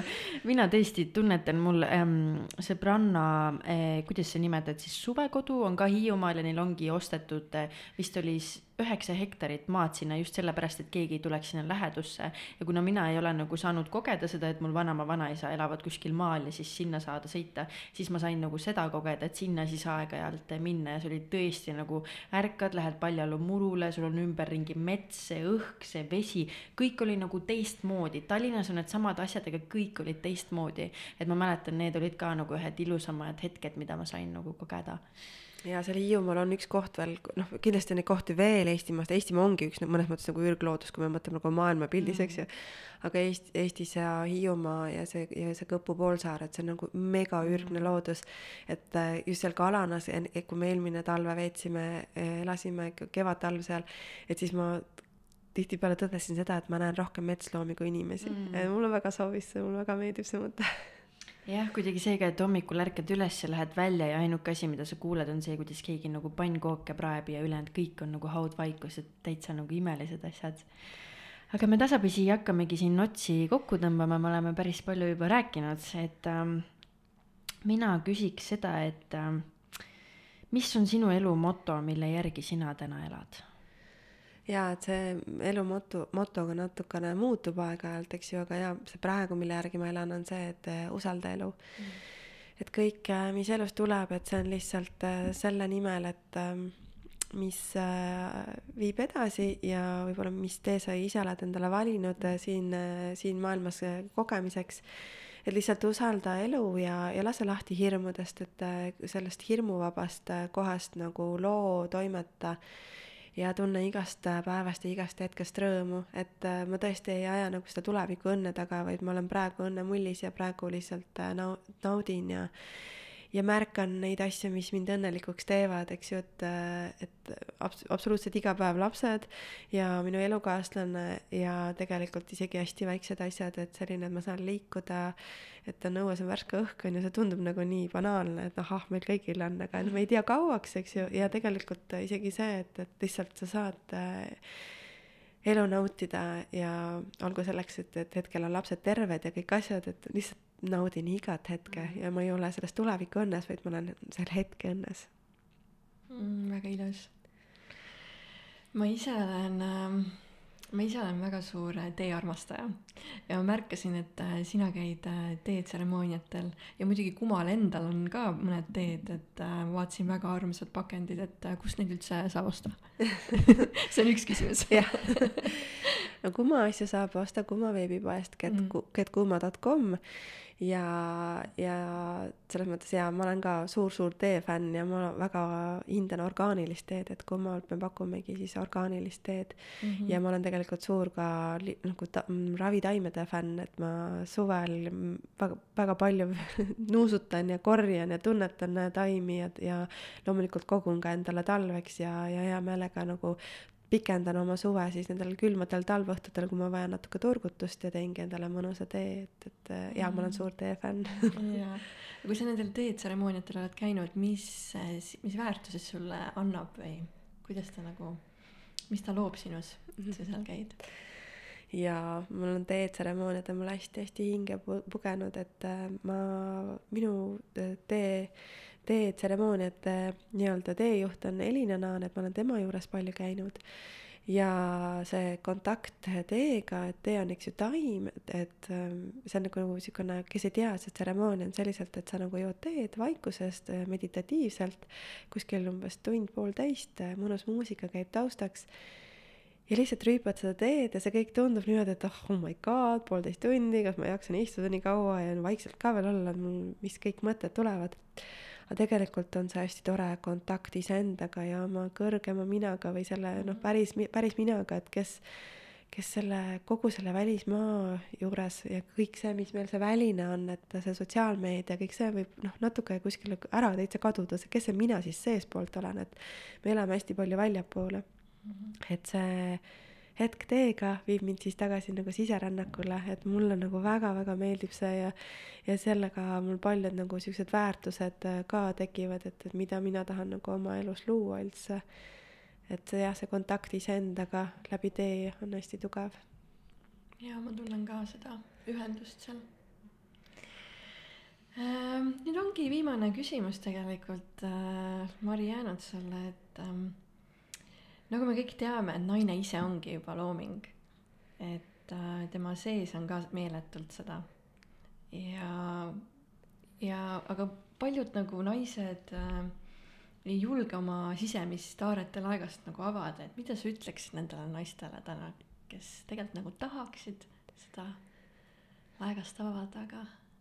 no aga ma arvan, et see on see koht, kus küsidagi enda käest, et miks sa seda elu elad eks ju, et mis sa tahad nagu selle eluga üldse luua, et mida sa tahad nautida ja kogeda. et kas sa tahad äh,, tahad ennast tunda voolavana, naiselikuna, tahad sa nagu ja võib-olla see ka, et kui sa, näiteks mina käisin naistelaagrites, et sa tunnetad seda la-, naiste väge nagu, et kui palju on tegelikult igas naises seda, mida nagu maailmaga jagada ja kui väärtuslikud me oleme, nagu igaüks on omaette kallis kivi, on ju, ma kujutan ette, et mehed elavadki ühes kalliskivide maailmas. Mm.. et, et kui me lihtsalt naisena lubame endal olla nagu naine, me ei lähe sellest trügi sellesse meesenergiasse, kus on niikuinii juba nagu nii palju ma ei tea, no see võistlemist, võistlemist, et me tegelikult ei mahu sinna, me ei sobi sinna. Mm, -hmm. et me saame palju rohkem luua ja väärtust luua nagu maailmasse just selle läbi naiseliku energia, et tõsta tõsta oma mehi, las nad teevad oma meeste asju, nad teevad nii ägedaid asju, kui nad on tõesti ka saavad toimetada nagu mitte hirmu põhjal, vaid äh, päriselt selle põhjal, et nad on toetatud, et et äh, meie ka nii palju toetame neid, et, et naine on ju hästi sihuke toetavas energias, eks ju mm. -hmm. et siis tekivad ilusad asjad ja need ei ole tehtud hirmu põhjal, et äh, et jaa, mu naisena ja ma arvan, et iga naise nagu tegelikult roll on küsida, et, et miks ma nagu, mis ma nagu saan edasi anda naisena, et, et mõni ongi isegi tugev just selles meesenergias, aga ikkagist äh, jah, läbi selle naiseliku võtme, et võib-olla saab isegi rohkem äh, lihtsalt parema või parema maailma poole luua, kui paremat maailma nagu meile luua, eks ju, et mm. -hmm. et olla enda loomulikus olemuses, nii nagu me oleme loodud. Et me oleme siin varem ka rääkinud, et milliseks siis naised muutuvad, kui nad lähevad rohkem mehelikumasse energiasse. Aga sina, Mari, oled küll ikka väga voolavas naiselikus energias, seda on tunda täna terve õhtu, ma arvan, terve see saade, et, et väga vinge. ma olen ka selles mõttes väga tänulik nagu praegu eluhetkele, et äh, ma olen hoitud, et äh, ma olen nagu usaldanud oma meest, lubanud tal nagu selles mõttes juhtida meie pere ja ma tunnengi, et ma olen hoitud ja turvalises kohas ja see on hästi hea koht äh, naisena olla, siis sa saadki voolata niimoodi mõnusalt. just ja mina tahtsingi öelda, et tõesti sellist rahulikkust, pehmust, voolavust, naiselikkust õhkab sinust hästi kaugele ja et on näha, et sa ei pinguta, et neid asju teha, vaid see on sinu loomulik osa, et sa tõesti tundud olevat suurepärane ema ja suurepärane kaasaja. sa kirjutad häid raamatuid, et äh, sa oled nagu kalliskiviks teistele naistele, kes saavad sind vaadata. et minul ka tegelikult said küsimused otsa, et kui sul just endal ei ole midagi öelda, mida me ei küsinud ja sa tahad jagada no ma ei tea, mul on siin ees kaks kalliskivi, kes on nii mõnusalt seda saadet juhtinud ja nii, ma arvan, et me oleme päris palju erinevaid äh, valdkondasid saanud puudutada ja ega mul ei olegi rohkem midagi väga öelda.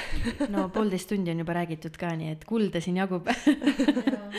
Vot, aga aitäh sulle, et sa tulid meie saatesse ja sellise mõnusa saate tegid, et meie oleme väga tänulikud, Kniks ja Kraaps ja, ja siis edukat reisi sulle sinna Hiiumaale tagasi just ja äh, raamatu äh, sellise lingi paneme ka saate mm. juurde kindlasti, Kuma mingit äh, info paneme saate juurde, et ähm, jaa, väga mõnus õhtu ja väga tänan, Mari, et sa tulid täna jagama meile jaa, aitäh, et te kutsusite mind ja, ja, ja, ja kes jah, neid raamatuid tahab saada, siis me just tegime, Jesper just avas oma selle veebipoe, et, et siis saate sinnapoole äh, gigatajad ja strive.com, aga see tuleb mm -hmm. kindlasti. me paneme sinna ka kindlasti mm -hmm.. aga aitäh, et te kutsusite mind ja väga mõnus oli rääkida, nüüd ma lähen jälle tagasi Hiiumaale, olen natuke aega vait sai vähemalt enne seda jagatud. Sain oma naisenergia kätte.